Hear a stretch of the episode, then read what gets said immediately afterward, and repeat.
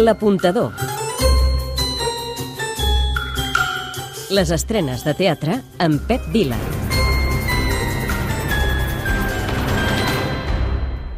Estic satisfeta perquè la feina que jo feia em feia molt feliç.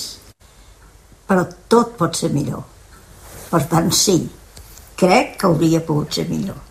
Va per tu, Carulla. Han tornat a obrir teatres i el seu primer record, la primera funció, ha estat en la teva memòria. Gran dama del cinema, però sobretot de la televisió i del teatre.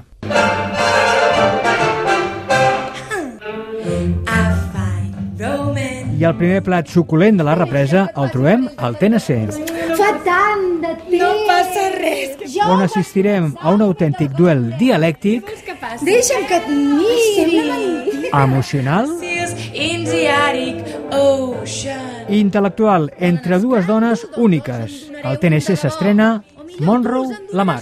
L'aposta de l'apuntador. Tres motius per veure-la. Què va passar aquell dia, Hedy? El primer, Pel que explica, l'any 1962 es produeix la trobada secreta entre dues actrius de Hollywood, Marilyn Monroe i Hedy Lamar, aquesta última també enginyera i que va desenvolupar un sistema precursor de la tecnologia wifi actual. Què es voldrien dir aquelles dues actrius? el segon, A partir d'aquesta trobada, el dramaturg Carles Valle ha construït un relat fictici i una conversa que va poder alterar el curs de la Guerra Freda.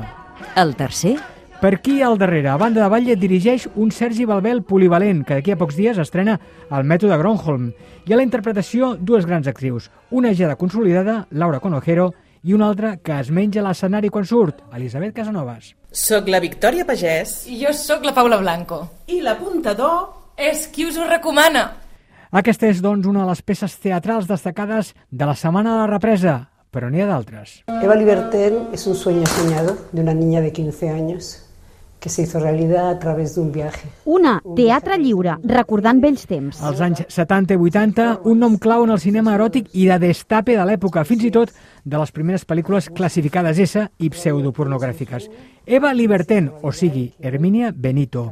Ara que l'actriu té 60 anys, vol compartir el seu passat amb tots els espectadors. La peça reflexiona entorn de la imatge eròtica que es projecta en el cos de la dona. A mi m'agrada l'ordre. Ordum mus sein, deia el meu avi, això. Avinguda Nacional, Sala Beckett. Et pots emocionar amb la història d'un neonazi? Es fa dir Van Damme, més o menys com el Jean-Claude. Era comunista, però la vida no el tracta bé i es converteix en homòfob, misògin, racista i feixista. L'obra del txec Jaroslav Rudis intenta explicar el perquè d'aquest canvi d'idees. Protagonitzada per Josep Julien, recentment premiat amb l'Esgai de teatre Jardiel Poncela. This is hell in paradise. This is not here, Sala Fènix. Potser no era tant com es deia. Amb el subtítol Reimagine Yoko Ono és una obra de Sònia Masuda, catalana amb arrels japoneses, que vol trencar el clixé de manipuladora que sempre s'ha atribuït a la viuda de John Lennon.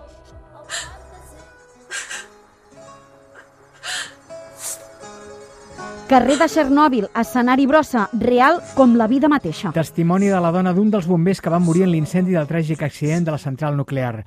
Adaptació del llibre La pregària de Chernobyl, de la novel·la Svetlana Alexievich, amb dramatúrgia i direcció de Joaquim Armengol.